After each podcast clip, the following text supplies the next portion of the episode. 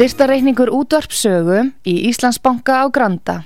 Útubú 513, höfubók 26, reikningur 2.11.11. Nánari upplýsingar á útvarpsaga.is. Takk fyrir stöðningin.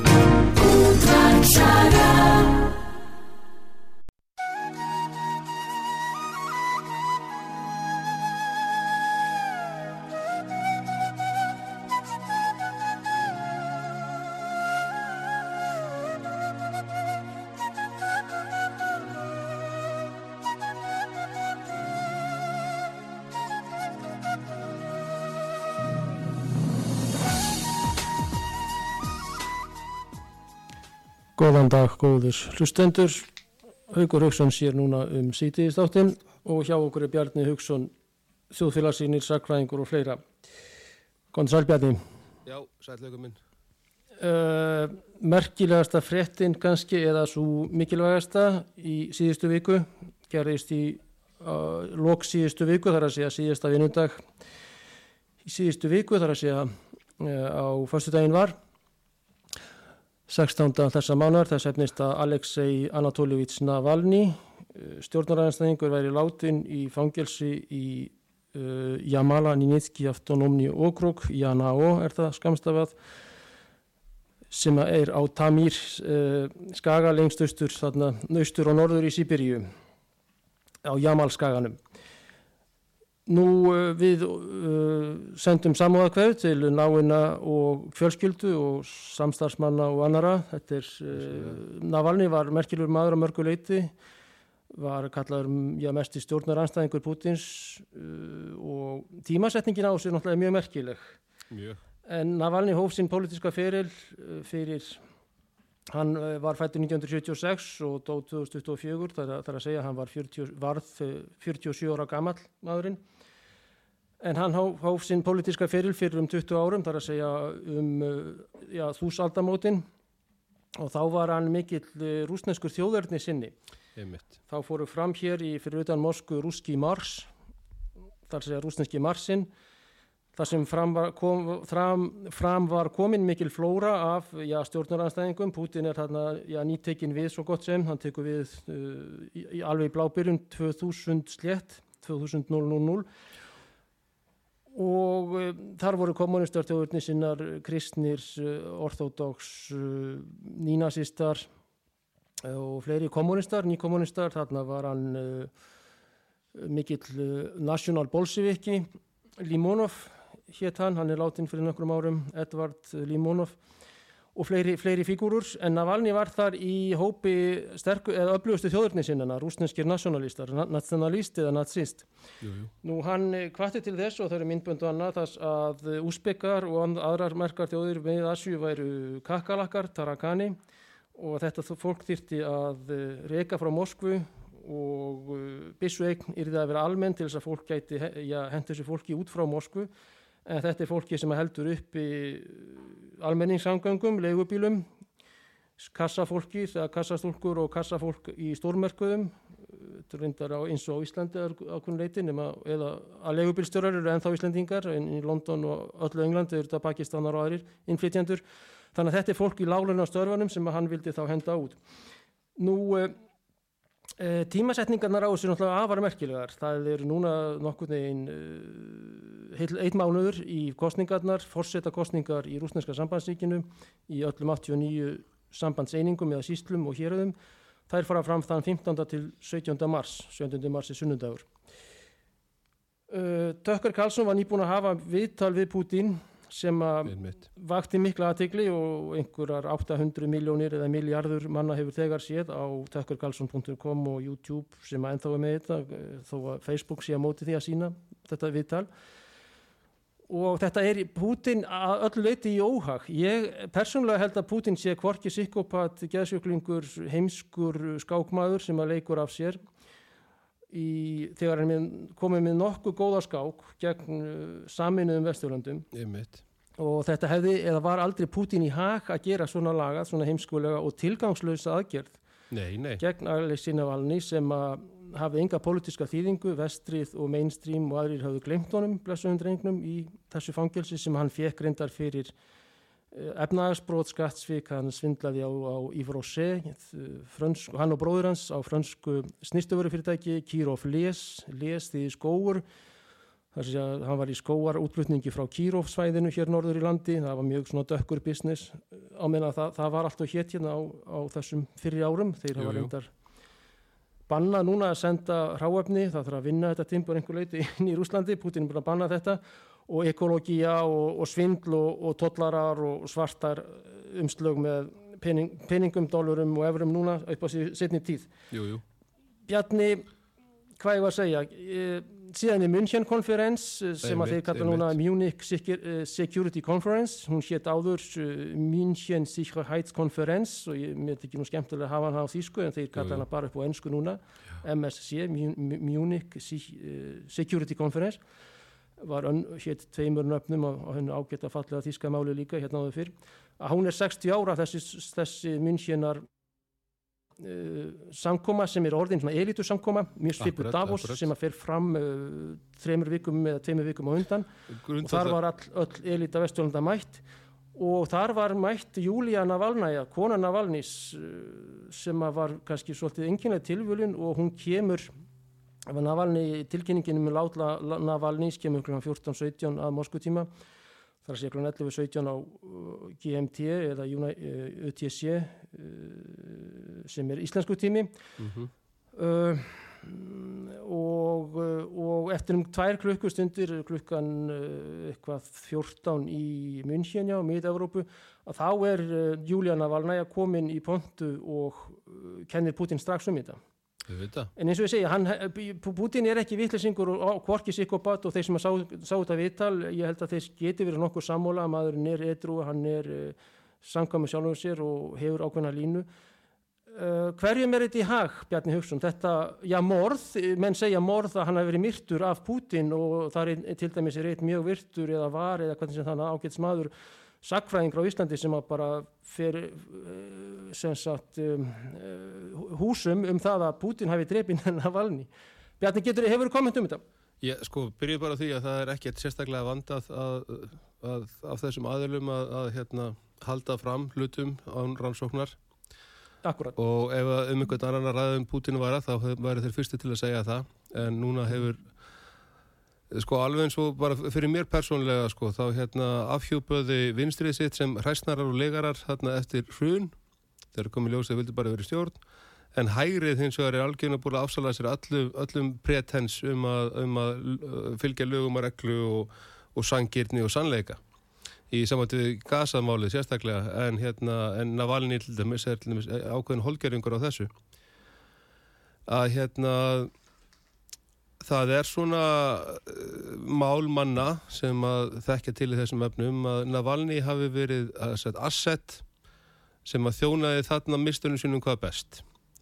Að í kjölfarnefla þessa áróðus sigus og það er nú til marksum hvað hérna ástandið í vitsmjönulegt ástand á Vesturlundu með bábórið að þetta viðtal Tökkar Karlsson við, við Putin, það sem hann gerir og litið annað en að segja bara hluti sem að líka hverjum ljóst fyrir ef hann kynir sem málinn að það var áróðus sigur stórkóslegur áraðuðu sigur fyrir Putin fyrir Putin og hérna og raun og veru bara raunver, fólk sem að, sem að fylgja einhverju svona raunveruleika skinnjun í sinni pólitík. En hérna í bandaríkjanu náttúrulega þá þá er einhvern veginn búin að, búin að koma því inn hjá fólki þetta séu allt einhvers konar sko já fólk hefði sér eins og þetta séu bíómyndir eða sjóanstættir og, og menn byggustu því að Putin myndi koma svona eins og Ernst Stavro Blófeld hérna í, í Bondi gamla daga og, og vera svona einhver, einhver, einhver þorpari. Og það eitt og sér að hann var það ekki. Það, það var nægilega hérna mikið, mikið áfall þessum hérna hugmyndamótandi elementum á vestrinu. Að þeir þurftu eitthvað hvað að segja, mót eitur við þessum árangri. Mm -hmm.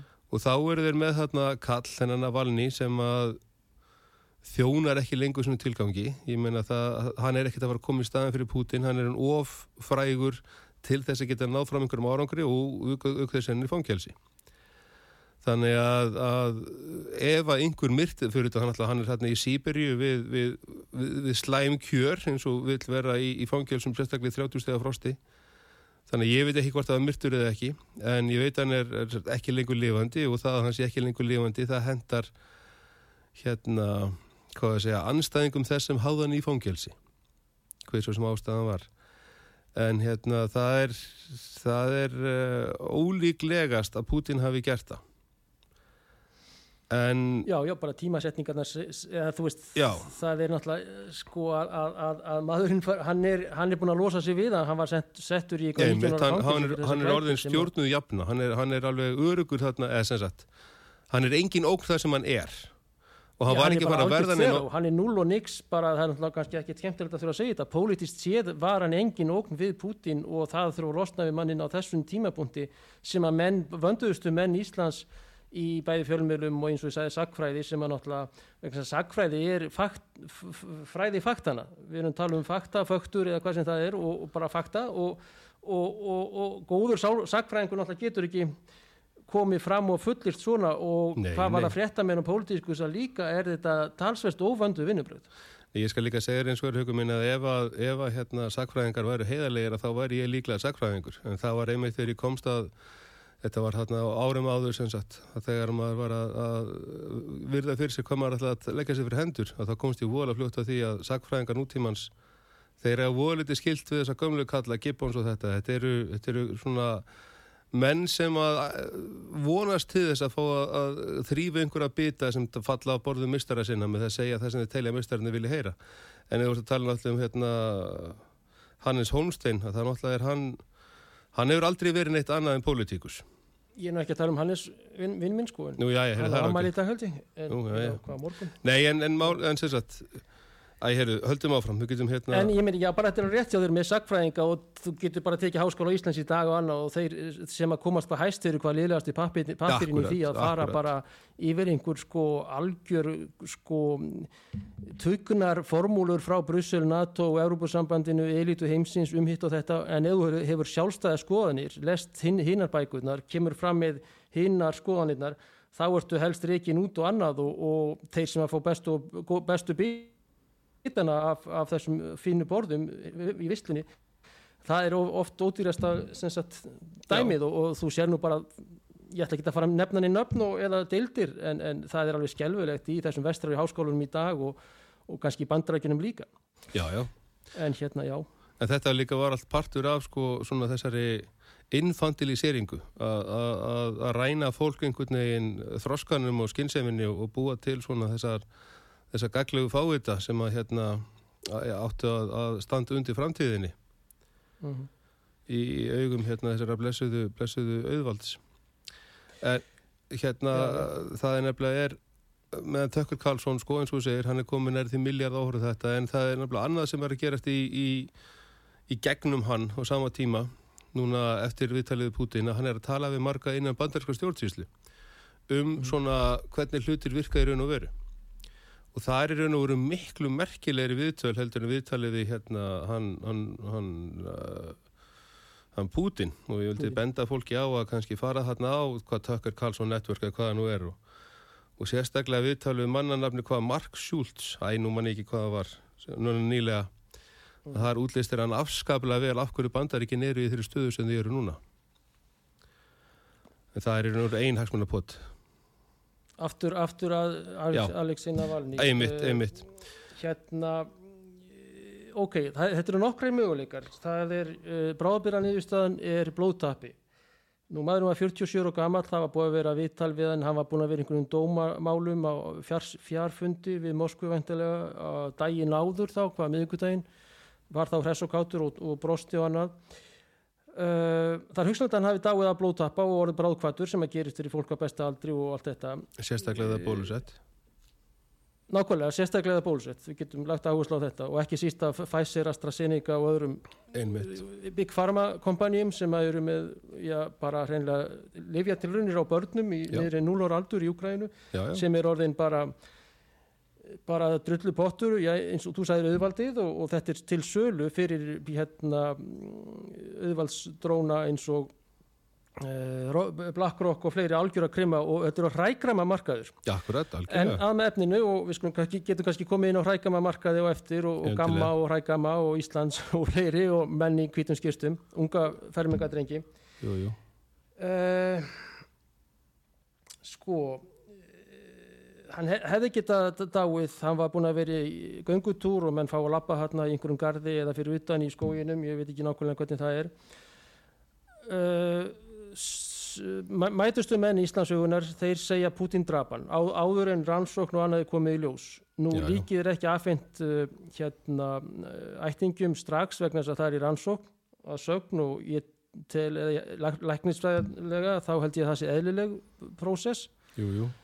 Nú, við getum aðeins mynd fyrir að fara hérna aðeins til Úkrænu, þá er það Gonzalo Lira López, hann Jú, var sílesk, sí, sílesk bandariskur blagamöður, hann var heimilisvinur hjá mér vegna þess að ég er búin að hlusta á Gonzalo Lira í 2-3 ár, hann kom fram, hann bjóði í Kharkov, átti það rúsneska konu og, og fjölskyldu, en SBU tók, tók Gonzalo, uh, pappi hans, uh, Gonzalo Lira senior segir að, uh, að Lira junior hafi verið pyntaður til dauða í, í fangelsum SBU eða Diblisum eins og hann segir hann Jú, er jú. spæn, spánveri, eða hann er hérna, sílimaður Jú, og líkið af Gonzalo Lira López junior var brent Já. þannig að uh, Lira uh, senior fekk ösku og ég veit ekki hvernig er hægt að sanna að þetta hafi verið Gonzalo með ösku að það er öruglega mjög erfitt en, en það er mjög ólíklegt að þetta verði gert af þessum fangisi yfirvöldum þarna í Jamal svæðinu og, og, og, og svo er enginn sem að minnist á Julian Assange Nei, nei. sem á yfir höfðu sér 175 ára fangilsi í, já, núna breskum í Belfort fangilsinu í hvað, Suður Englandi og, og í verðandi eftir villi bandar, bandarísku fangilsi og hvernig Gonzalo Liro var, var pintaði til dauða, sögn pappans. Það var skemmtileg námingi, fekk sér síkaretu var að tala bara mjög frjáls, mjög djúpar skoðanir mjög víðsýtt og, og djúp analýsa hjá Gonzalo. Jú, jú. uh, en það er enginn sem minnist á þetta hvorki af íslenskri elitu hvorki af fórseta Íslands sem fór strax að, að tjá sig og með álíktanir og fekk í eh, sendiráð Rúslands í Reykjavík var ekki sátt við þetta. Eh, nú uh, Katrínu veit ég ekki um en aðri maður, A aðrir bara mætir menn skulum við segja. En kostur eitt er að hann hafi látist af bráðkvættur sem að rannsókn stendur ennþá yfir Kostur tvö er þessi sem ég sagði að sem að Íslendingar margir fullir það og, og 90% Íslendingar trúa sem nýju neti og það strax, þetta er náttúrulega tilfinningamála að Putin hafi látið drepa mannin þrátt fyrir allt í óhag uh, hvað var að tímasetningar. Þriðja, það sem ég ætla að koma inn á núna er að um, vestrannar þá væntilega leini þjónustur Já. eða þeir sem að vilja koma á höggi í Putin sem eru mjög sterkir aðila bak við tjöldin hafi stæðið á bak við þetta. Ertu sammála mér með þessa þrjá kosti? Já, já, já, já.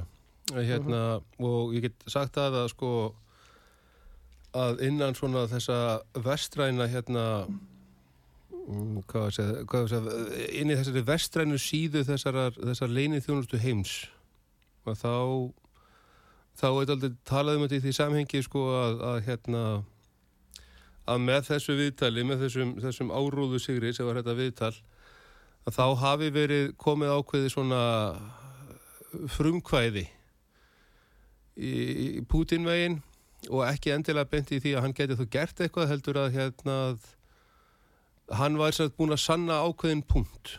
Það er búið að halda því fram í einhvern veginn í þessari, þessari hugmyndamótandi vinnu hérna á Vesturlandum að hann sé einhvers konar hérna, já, pútler.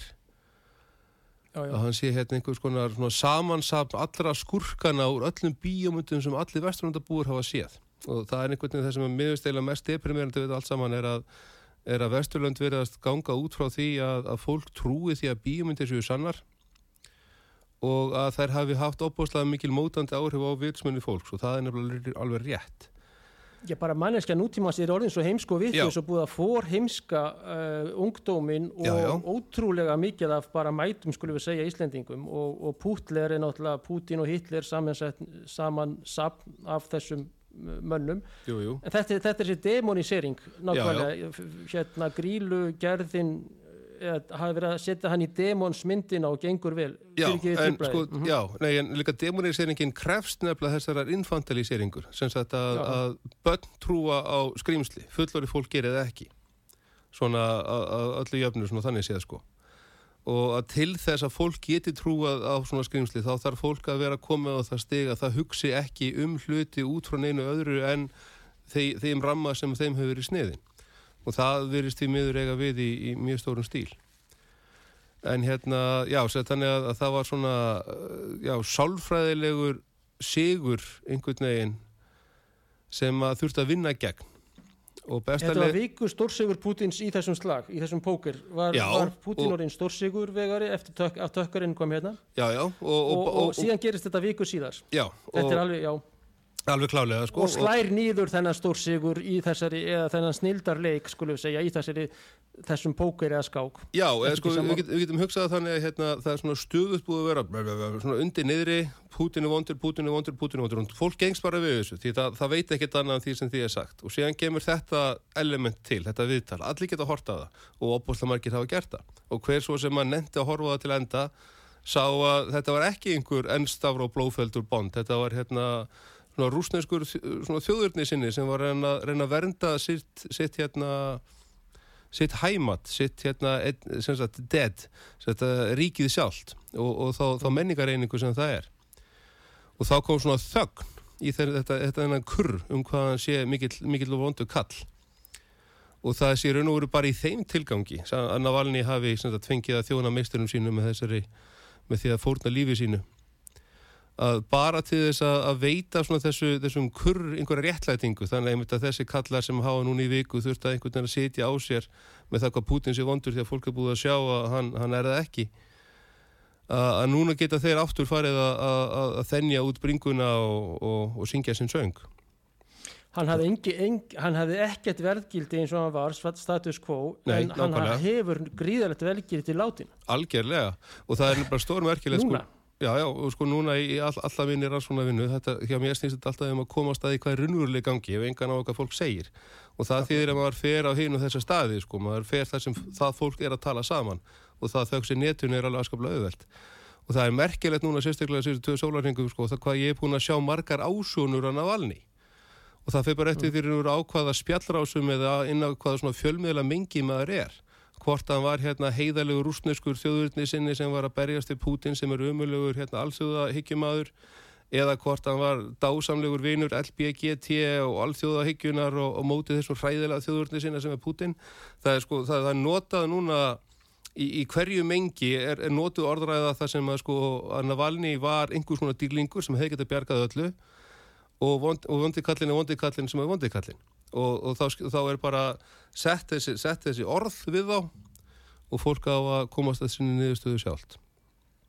Og þetta er, þetta er svona e- e- þetta er svo gaggerð sálfræðileg aðgerð að það er, það er eiginlega ekkert annað hægt já hann fekk laun frá sendiráðum bandarækina á Breitlands þar að segja CIA, Central Intelligence Agency og MI6, eh, Military Intelligence Section 6 sem eru sterkustu engilsaksnesku leginn þjónustutnar og þetta eru gríðalega sterkar og James Bond eins og minnist á var Einmitt. og mikil hetja hann fekk laun ofinberlega frá þessum stofnunum, það eru já. það frá þingum, það þarf að hafa opið og upp á borðunum, alls konar þess að fonda og sjóða og Soros var nú ekki lítill sponsor fyrir hann George Nei, nei. Soros Nei, nei, Nú, hann, og, og Klaus Schwab og, og þessir globalistar akkurat. Það er ekkert að fara bjarni í, í grafgötur með þá sta, staðrindir sem að menn kannski vilja ekki, setja strákin í þessa hetju mynd sem að náttúrulega klikkar aðeins með þessar bara fögtur, þetta er fakta. Já, akkurat, akkurat. Og ég meina þetta, sko ef að fólk hefur yfir sín þá virkar þetta ekki. Fólk þarf að vera fast á sínum bás að- jórtra á, á, á því sem því er, er fóðurað til þess að svona einhvern veginn falla fyrir þessu öllu saman.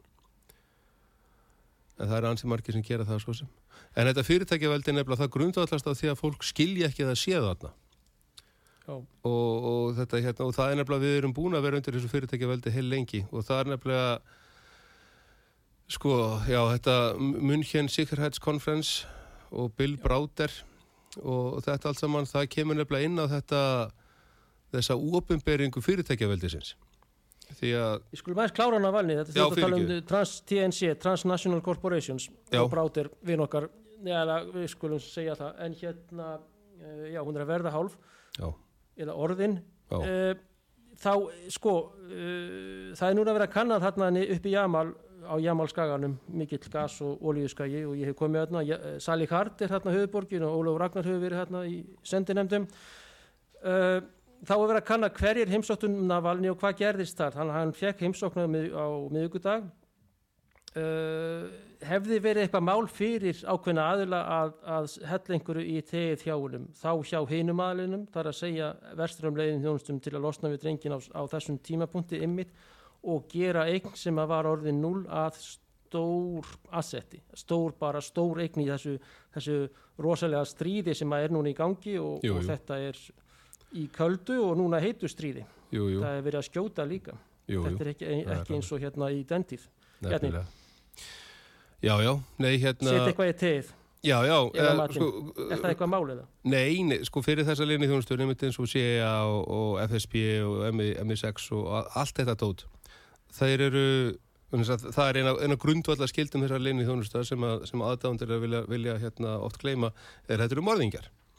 Þeir eiga að sko eitt af því sem leini þjónust á að gera til að tryggja frið þegar að koma í veg fyrir að stríð geti orðið hvað, hvað var þar hérna hagsmunni þess sem þeir þjóna og til dæmis bara eins og, eins og það var aldrei sko frá setna stríði og eins og þetta kom fram í þessu blessaði viðtælið þarna við hennan, embættismann í bandaríkjunum. Þetta er eitthvað sem ég þóttist við þetta en hafði engar, engar staðfestingar á en er núna raun og veru komin með er að síðan í setna stríði þá hafa ekki verið neinar kostningar í Európu neinstæðar á neinu stígi út af því að þjóður öryggishagsmunni bandaríkjana hafa verið, verið í húfi og að hérna margir flokkar, og með sem sjálfstæðisflokkurinn á Íslandi og, og, svona samstæðisflokkar bandaríkjanan hérna núna áratugum saman að þeir eru uh, valdir að grundvallast mjög mikið á uh, hlýðinni þeirra við, við bandaríska hagsmunni sem er raun og orðin algjörlega, algjörlega sjálfvirk en hérna að æ, fyrir ekki, hvert var ég að fara með þetta? Við erum að tala núna um, hérna, um, um það að hvernig praktist séð Já, hefur verið hægt drepa- fyrir já. leinjóðunustur og þú segir að FSB fyrir um KGB, CIA, MI6 Já, já, BND þeir- þeir- þeir- hafa- sko, og, og, og það er svona, þeir, eru sérfræðingar í því einmitt að drepa fólk eða þess að fá fólk til að hætta að vera lifandi við getum orðað þannig þannig að til dæmis eins og í tilfellina valni og ég er ekkert að segja að séðan þetta á þá vegu sko en það var einhverju pappirar sem ég las fyrir löngu síðan frá segja um, um þetta allt saman að hérna að einmitt eins og segjum við teð sko það er auðvöldast eins og er að hérna múta einhverjum á, á, á læknustofunni og þeir þurfa ekkert einu svona að vita hvað eru að gera. Þeir bara fá segjum þúsund dollara fyrir að láta þetta þangað. Og svo fara einhver aðnar þúsund dollara fyrir að láta þetta í þetta. Og svo tvendum við setna einhver döður að sko það þarf ekki að senda agent á staðin, það þarf bara einhvern veginn að að, að, finna þessa veiku bletti mannin á, á í fangelsinu sem að er trikkveldur eða hvaða nú er. Og þá er maður að koma með einhverja leið inn og þá er það bara spurningum að koma og svo er líka það sko eitrinn og drasli sem þetta fólk hefur á sínum snærum þetta er alveg út í hött sko. Eins og þessi hjarta áfallsbissa sem að hérna var synd á þingfundi í, hérna, í bandaríkjónum hvað 74 bissa þessi sem skauti einhverjum svona litlum hérna, ísnálum sem inn í heldur efni sem allir hjarta áfall og, og voru einhvern veginn því eðli, eðli búnar að, að sem sagt, fólk dó úr hjarta áfalli og það var eitt lítið gat yngustar á húðinni sem var eina sem benti til þess að nokkuð, nokkuð það átt sér stað. Og þú veist þe- þetta að drepa einhvern það er alveg skuggalega auðvöldaukur og það er alveg og finnst ekkert við krupningu þá og slíkt ekki neitt, nei, nei, nei, nei, þetta er allt hannað gaggjart í þeim tilgangi að, að sagt, það, það er engin döðdagi virðist eðlilegri heldur en sá allra, allra grunnsanlegasti nútildags. já, já, akkurat, þetta er stórmerkilegt já, já. en þetta er vinna þessara manna eins og segir FSB, CIA, FSB hétt KGB hér áður fyrir CIA, MI6, SAS í, í Pakistan, Jú, jú, BND Bundesnachtrichtendienst í Þýskarlandi og þetta eru menn sem vinna við þetta og því miður er, er samviskan ekki meiri og, og, og annað og, Nei, nei. og, já, starfið er misjamt eins og sagt er en eh. Bræir Einarsson tekmaður ætla núna að setja á auðlýsingar við erum að tala Haugur Haugsson, er að tala við Bjarnar Haugsson þjóðfélagsrýni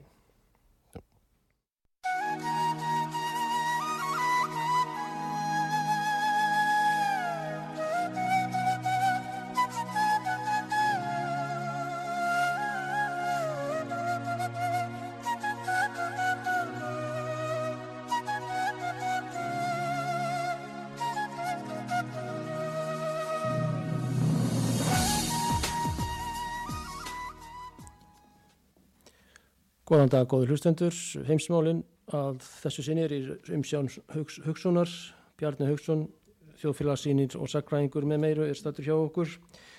Nú, sak, uh, hérna, teknumæður er Bræði Reynisson. Uh, Bjarni, við myndumst á Münchenar uh, Sicherheitskonferens, það er að segja öryggislastöfnuna í München sem er núna er 60 ára gömul. Það eru Hillary Clinton, Nancy Pelosi, uh, uh, margir úr elitunni, okkar ágættis utanrengisáður að fór til München í þetta skiptið, Bjarni Bendiktsson.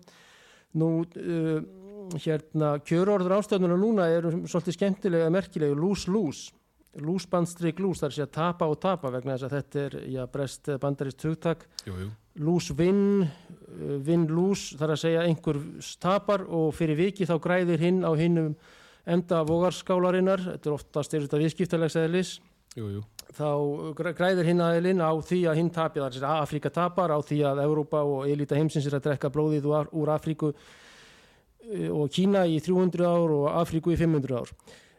Indlandi að sjálfsögðu og allir þessi geimstænar eru á breskum, bandarísk, franskum og annað söpnum en þessi og, og sikir hérna og hérna í Davos ástefnan sem á lauk fyrir einhverjum tveimu vikum eða þreymur, hún var í uh, lók janúar vantanlega það var kallið rebuilding trust og rí náttúrulega á undan er endur uppbygging á tröstinu jú, jú.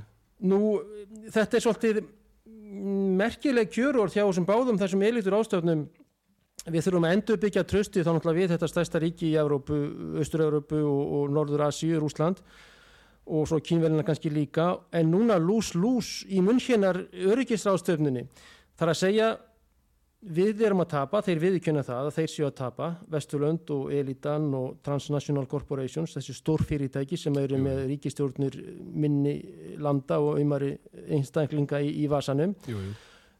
og kannski er þetta einhver uh, vonarhyggja eða óskykja þess að rússarnir séu líka að tapa eða austrið vegna þess að ég, ég er alveg á því að þetta er austur-vestur eða norður-suður, það sé að norð-vestur vestur-Európa eða Európa-sambandið og Norður-Ameríka og svo hinn heimurinn Jú, jú. en Rúsland er ekki að tapa Nei, nei. getur þú tekið þessi slókun þessi hérna eh, kjörorð, eh, rebuilding trust rættum við þá fyrir þegar, það- í- þegar það var og hétt en lús-lús í munnkinar ráðstöfninni núna Ég, sko, bara orðin sjálf, það er, það er eitt herrfæðilegt hugtak sem að inniheldur nákvæmlega, sem að sagt, er þetta og það er þetta mutually assured destruction.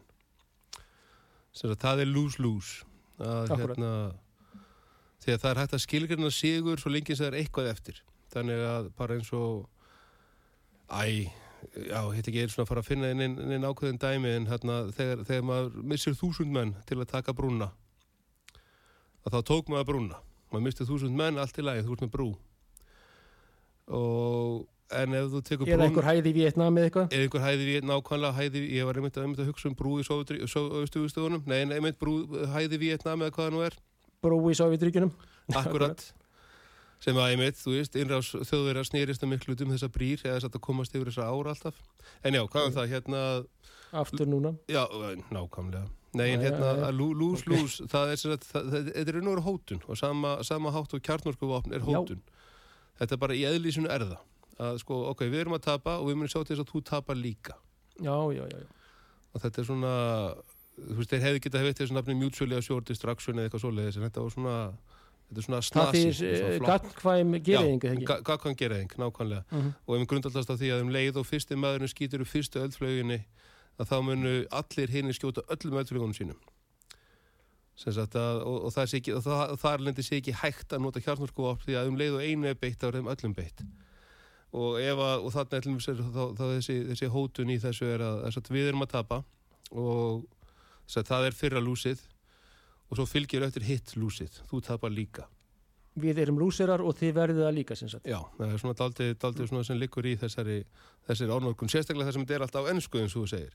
Þetta er ekki, ekki en þetta er líka svona já, skemmtilegur, hérna, já, skemmtilegur, þetta er svona líkindi einmitt með einmitt þessu World Economic Forum og þessu hérna sikkerhetskonferensi að þetta, svona, þetta byrjaði sem ákveðin hlutur en er orðin að allt öðrum hlut og byrjaði sem- sem einhver svona stjórnsýslu element með milli hérna milli veldana og er orðið að einhverju svona enga enga batteri þar sem ofinbjörnum aðeilum er kannski bóðið einmitt eins og Bjarnar Ben.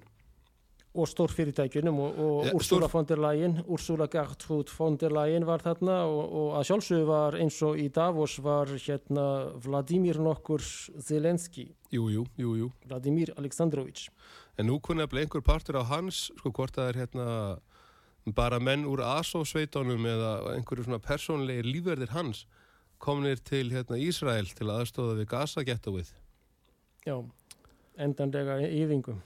Já, Þarna voru Hillary og Nancy og eins og ég sagði hérna Úrsula von der Leyen og, og Sjórn Sparell og öll, allt Európusambandið og man, margi bankamenn, það eru merkilegt hvað bankamenn og aðrir eru vinsælir á, á þessum fundum. ég veit það. Þá getum við saman, nefnt sko. sko? Bill Browder, William Browder sem að Bjarni Vinnur okkar Benediktsson, hann sendi á face, Facebookinni að hann hefði hitt Browder og mjög gott mál og ég var ekki að komandira og sagði að, sagði að hann væri þjófur og ligari og ég meinti ekki Bjarni Vinnur okkar Benediktsson, Bjarni nei. ég meinti Bill Browder, William Browder. Já, ég veit að hann er Hann, er atvinnu það. já, já, en sko hérna eh, Bill Browder stopnar Hermitage Capital og er algjör hrækama kapitalisti í, á Jeltsins tímum í Jeltsins Rúslandi Já, já. og hann er uppmálaður og, og ég veit ekki hvort hann skrifa flott sjálfur en hann allan er með fólki í því og hefur gefið út margar margar bækur sem hafa verið þýttar yfir á íslensku þar sem hann útmálar mjög svartkvita myndir að hann sé að hjálpa rúsnesku Já, efnahag og almenningi og infra innviðum og þetta en þetta er ægilegur þjófur þessi strákur Sko, málið er ég eða maður, Já, kall, þessi, þessi kall. Ég, ég komst að tilveru Bill Browders í gegnum hérna, rannsóknir á, á svona allra síðurlegustu elementum, elementum Wall Street á sínum tíma. já, Ég þekki Bill Browder ekki í gegnum hérna, aðskiptans og Rúsland og svo leiðis. En þá var hann, hann nefnd einn af þessum svo kvöldu sjokkkapitalistum. Hann svona sérhæði sig í því að hérna, eða að það er kreðsur, svona, það, það, það part, partur af þessu öllu saman sem hann var, að þeir hérna stunduð þennan myndi sjokkkapitalisma sem er að það að fara hérna í þessi Suður, Afríkurí, Suður sérstaklega og hérna í nafni liberaliseringar sem sagt hérna engavegingar og slíkt að tortíma samfélögum. Og hans set, og þessi hugmynd, þessi sjokkapitalismi þetta er hérna ekki reyndar frá þeim komið held þessi Naomi Klein hérna blaðamaður sem, sem fann upp á þessu hugtaki að þetta er sem sagt svona þetta er einhvers konar sálfræði hernaður fyrir, að- fyrir kapitalistiska hagsmunni þessi, þessi, þessi hérna uh, já, sjokkapitalismi eða, eða sem sagt að, að svona þessi skyndi engavæðing og það var það sem að hann var úr frægur fyrir og, og þótti ganga svona, svona þótti leiðinlegur. Og þetta er nú ekki heimur það sem að menn eru skemmtilegir þannig að, hann, að það að hann hefði átt orðað sér að vera leiðilegur og óbylgjarn það var svona alveg sérstakur hlutur sko og svo er hann allt í hennu komin hérna til Rústlands orðin einhver, einhver hérna, frægur frelsiðsetja þetta þótti mér mjög undarlegt. Þá er ekki bara strax upp úr fallið Sovjetsins 92 Jú, og þá, þá er þess að þannig að hann fór þarna, hann sett, fekk einhverjar, einhverjar hérna, fjárfestingar. Og nema alltaf einum og hálfu miljardi sem að hann hafi fengið í sinn vasa til þess að, að síðan að að, að, að sem sagt, greið, gefa sem sagt, þeim sem að fjárfesti í sér gull og græna skóa, bókstaflega að sjá þeim fyrir hérna, auðlendingar nýtingar réttum innan þá þess sem átti þá að verða einhver svona sundur uh, hérna, sem sundrað balkanskaga element. Þegar hugmyndi var það að rúsneska þess að Sovjetríki myndi leysast upp og svo myndi Rúsland leysast upp og þá væri allt ódýrt og, og kapitalistættin myndi alveg græði eins og við veit ekki hvað Já, þeir ætluðu að að rúsneska sambandsríkið sem að tókst Já. ekki út af hinnum hataða Pútín. er, Já, eða Það er alveg ljóst að Pútín eins og margir segja og, og, og Marsheimer og fleiri og Loppi bent á þetta Lop, Pútín bjargar Rúslandi frá balkaniseringu, frá sómaliseringu sem að svona gósar eins og Bill Browder og aðrir stórkapitalistar og algjörir rækamar koma uh, sem sagt inn, á, inn, inn þarna strax upp úr fallinu 91-92. einmitt. Og ég meina og þetta bara var sko og, og þetta virkaði einhvern veginn þannig að menns fóru þarna til einhverju fyrirtæki og segja hér, ég skal ábyrgjast hérna að þið fáið þú veist, þúsund tonna kopar á hálfvirði. En hann bara átir, hann fekk sér peningir á það hvort að hann lofaði sér 60% aukningu eða eitthvað svoleiðis. Að hérna, menn myndu græða svo svakalega mikið á honum en svo nefnilega er það líka hegðun þessara rækama þarna þeir eru komnir austur sem var til þess að ræsa þetta, þetta þjóðurnis element sem að Putin er náttúrulega skorinn úr fulltrúi fyrir. Putin einn og sér gerir voða lítið en hérna en þessar, þessar, þessar þjóðfélagsreyfingar sem menn eru, eru tákmyndir fyrir.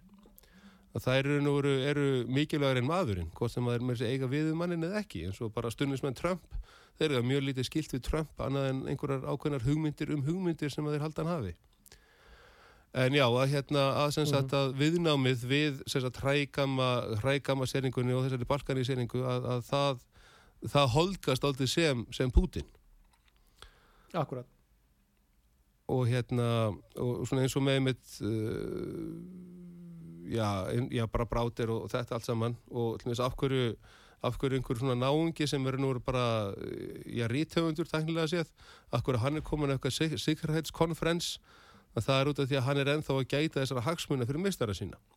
Að hann skuldar, hann sér að skuldar þarna einhverjum köllum á, á, á vatastræti í, í Nýju Jórvík alveg óskiljanlega mikla sumur.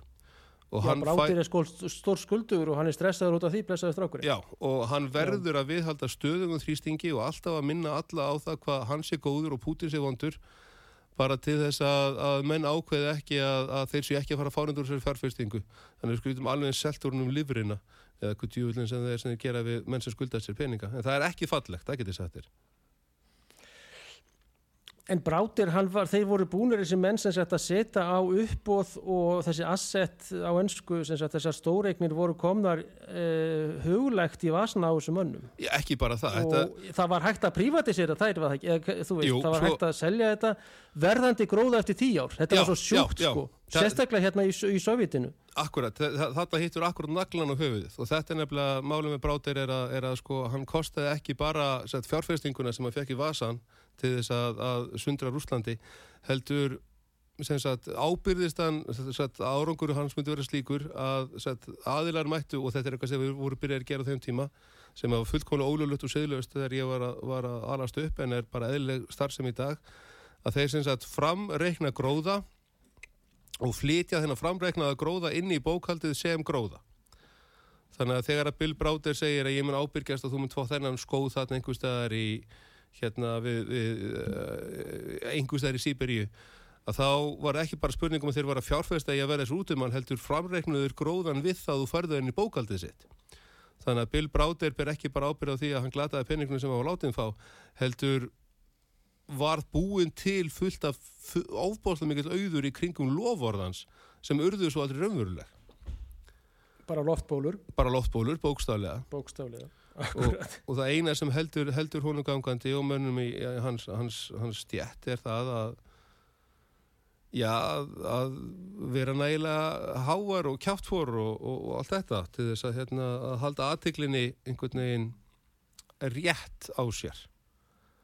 Já, hann alltaf dreymir um þessa gömlu góðu tíma og hann geti rústað Rúslandi og, og, og hérna bara Putin El Salvador del Rússia Jú, jú bara bjargar í Rúslands, El Salvador del Rússia, að hann dreipist hann, hann, og hann fá einhvern ekki, ég veit ekki með Navalni ég hugsa Navalni að hann var það sko uh, þurfti að svara sínum uh, styrkju uh, sponsorum, það er alveg ljóst og, og hann væri góður kandidat í þetta.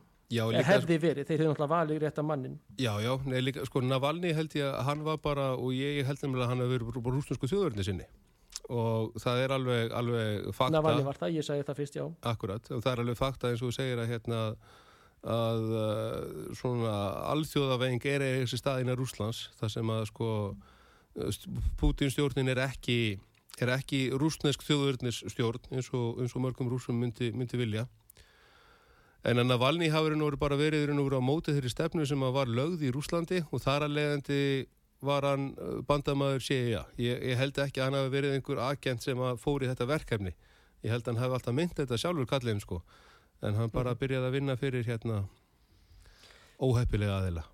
Já, bara það er, er það bjarni að, að þessa leginni þjónustur, það er bara þeirra mál og þetta eru færir og klóki menn og ofti þetta erfist vinna og, og hérna álag og slíkt en þeirra bara verkefni að þeir eru sendir hingað austur sterkustu mennitir í það og þeirra verkefni er að koma á kontaktum og já, já. finna réttu kandidatana að segja uh, verðandi menn í ákveðin verkefni og það er það sem að Bill Brátir og aðris síðan alltaf fundaðir með Bill og, og þessum bankamönnum, uh, bankstyrum og bankagangstyrum tvisari viku sko Já, já, hitta þá á bara á kvöldin og, og síðan í einhvers annar staðar skilur Ég er náttúrulega líka sko þegar, pólit, og þegar að pólitíkus eða ópenbær staðsmára vesturlundum hitti banka, sem sagt einhvern svona, einhvern svona bankster, þá er það þjóðna hitta meistara sinn. Það er ekki Já. einhverju tveir valdamiklir aðeinar að, ráða ráðum sínum. Mhm. Bankarnir eiga þetta allt saman. Við tölum um Transnational Corporations og þann gríðarlega styrk sem að þau eru að ná sér og þá siglingu sem að þeir eru að koma á og ákveðin segl sem að eru að koma upp í austurlöndum nær og fjær. Já, Rauð segl og rauð og, og, og svo Rauð og svört. Já, Rúsland og Kína. já eða sko líka, ha, nei, líka svarta flaggið, ég hef svona aðeins að vísa til, sagt, þegar núna er þessi Já. hérna svona raunveruleg, æ, já, Æ, seti rauð og svarti fánir, þeir eru oft verið tengdir við hérna, anarkisma í setni tíð, en þeir svona raun og veru eru, eru hérna, þetta eru, í, í gamla daga þegar menn notuðu fánin til samskipta þá voru þetta yfirlýsingar. Rauð, rauður fáni þýtti hérna engin miskun, allt þetta á, á skipum og, og svartur fáni þýtti hérna, já, þess að, afsaki, ég er, er alltaf að fara einhver út og drætti, en hérna, það eru núna einmitt óreiðu tímar á jörðinni upp að, upp að þeim mæli hverða að, að það er að tala um svarta fánan til dæmis í, í Ekvator og annars staðar þar sem menn berjast án fána en berjast þó. Og það er svona, það er, er einhver sakfræðileg hefð, allt held ég, eða mér minni það. En afsakið. nú er komin upp ákveðin örvænting eins og þessi hérna uh, sl- slagorð segja sem að eilítanir fyrir að nota. Og vissulega er þetta eilíta Vesturlanda og bankanmanna og annað Já, já, bara Hérna- alls staðar þar sem að menn nota, já. og þetta er ekki að ganga upp sem skildi Nei, inn, innilega ekki. og e á eftir að enda bara illa með ósköpum vegna þess að menn virðast til í allt. Það er engin að ræða fríð hvorki með Östurlundum niður Úgræn og nei, það er engin nei. sem vill að, að hérna, menn setjist nýður nema kannski Trump. Já, eða sko, eða svo, er það, svo er það það að hérna að sagt, í kjölfar þessar, þessar raunveruleika sjokks sem að hefur núna ske, ska, skekið sett Vesturlönd allt einn síðan 7. oktober að það, þeim veit, þar bandaríkjuminn geta ekkit verndað Európu. Það bara er ekki hægt. Og þetta, sett, hvernig heimurinn, eða Európa sérstaklega hefur þróast síðan í, í lokur setnastriðis, að það hefur allt þjónað þeim hagsmunum einhvern veginn að Európa verði svona efnaðarslegur vettvangur fyrir bandarískan, bandarískan hérna, efnahag. Hann verði svona framlenging á því og að, að herinn og allt þetta, þessi hervæðing og allt þetta, hún snerist um svona meira, meira um það í raun og með sem svo bara herinn hermennir í, í hérna Þýskaland og annar staðar. Það var jafn mikið til að halda sagt, eh, segir, Þýskalandi inn í ameríska sphere of influ- influence og að verja það gegn hérna sovjerskri innrás. Mm. Og að, að allir þessi menn, eins og ég segjum, og allan heim sem að voru allir þessu styrkur því að þeir, þeir projektuðu svo miklu forsi sem að nota þessi hérna Pentagon hugtök. En síðan kemur í ljós núna eftir 7. oktober og það er að, satt, og er náttúrulega 7. oktober án atbyrðara svona 2022 þarna í Ukraínu, það hefði aldrei hefði aldrei skipt neinu máli sko. En það er út af því sem að, til dæmis eins og þegar Ísælar eittu öllum hérna stórvirku böngarbörstunum sínum bara á að drepa fólk og eðilegja hérna, skólpastíkerfi að þeir gerðu það miklu leiti byggt á því að þeir myndu bara fá takmarkalust magn frá bandaríkjunum af öllu sem þeir vildu. En út af ástandinu í Ukraínu út af mögulega ástandi í, hérna, í, í Suður, Suður Asíu og í Vestur Asíu og í Östur Asíu og í Afrika allir og Suður Ameríku að þá hafa þeir ekki þennan aðgang að þessum, þessum gögnum að allt í einu þá fóru Vesturland frá því að þeirga ofgnótt af öllu allt og marga hermenn og, sko eina vandamálinn með, með skotfærin var að, var að rýma fyrir hérna, geimsleirými fyrir þetta, þetta var, þetta var svo mikið af þessu.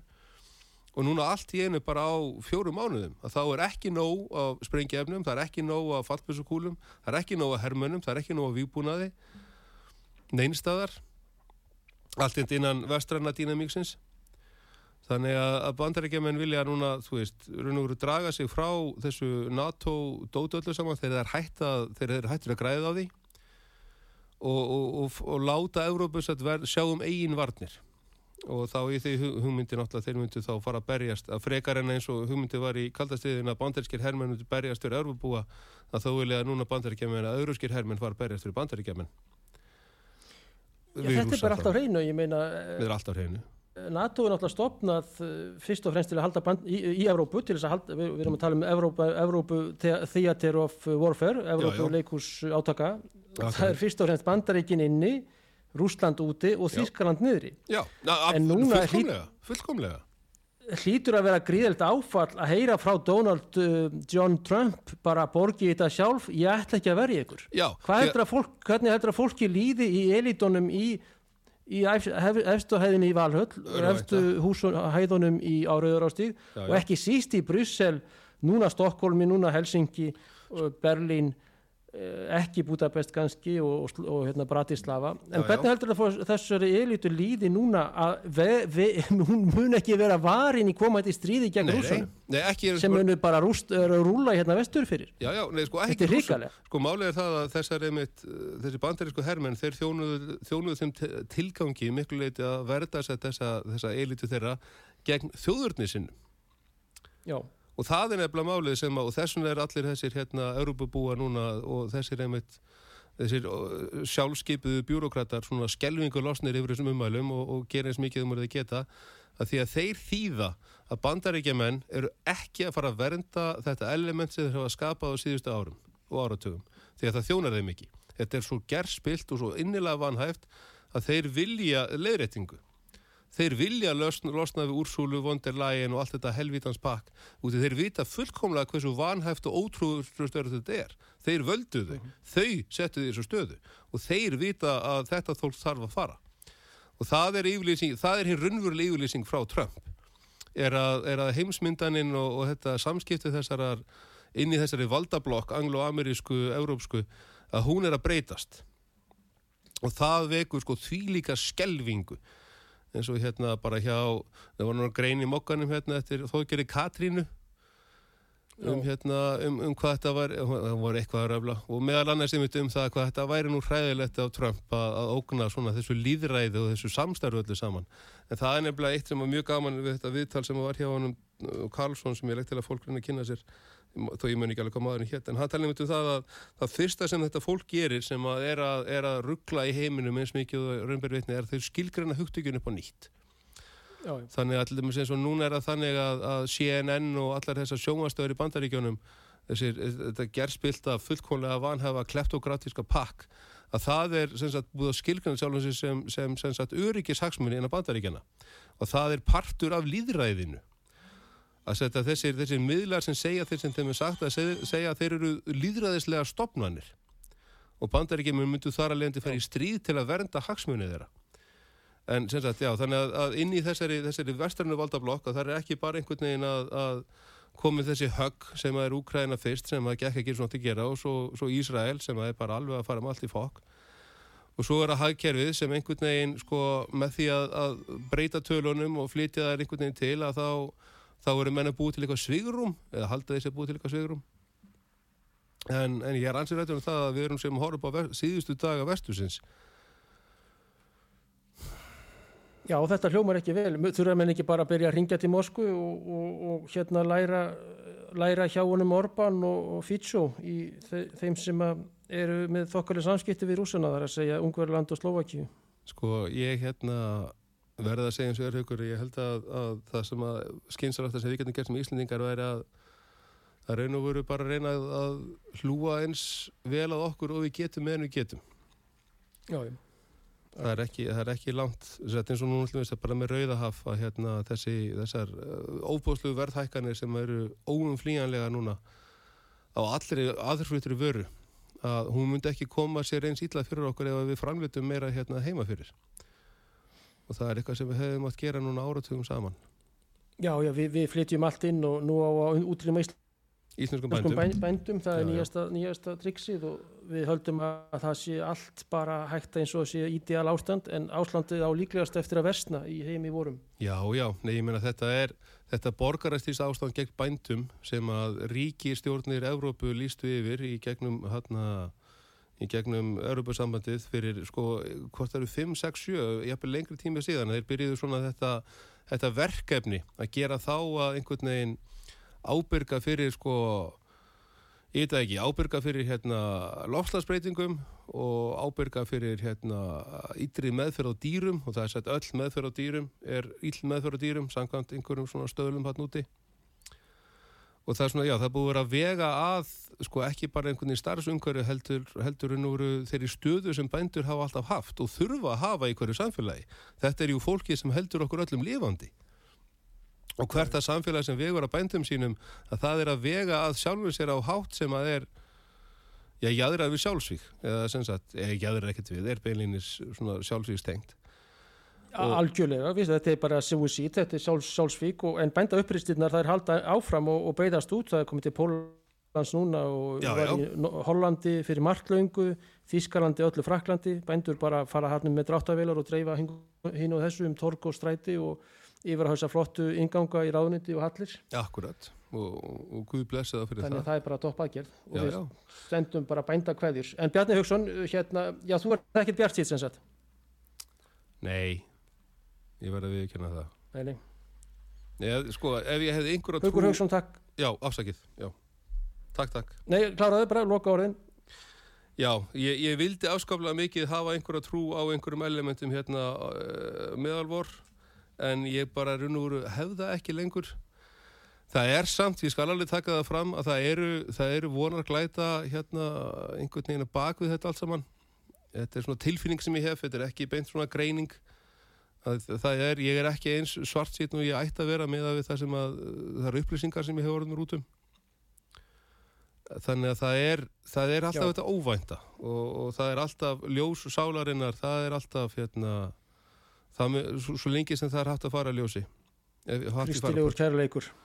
Já, eða bara þess- þessi, þessi, þessi kærleikur, þessi, þessi guðdómleiki sem byrtist í gegnum það að mannskefnan geri það sem hjartað býður Mm. Þa, það er að eina sem getur fyllt í kjölfarið á þessum, þessum, þessari vittleysu allir saman En stjórnmálastjætt, stjórnmálastjætt Vesturlanda og elitan er ekki að, að, að hérna, gera sína plikt Nei, og hérna og, og, og þjónar í Washington, Brussel. já, akkurat Haukur Hauksson þakkar kærlega Bjarnar Hauksinni í- fyrir gott spjall í dag.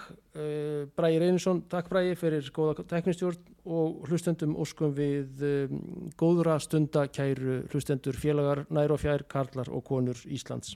Kæra þakkir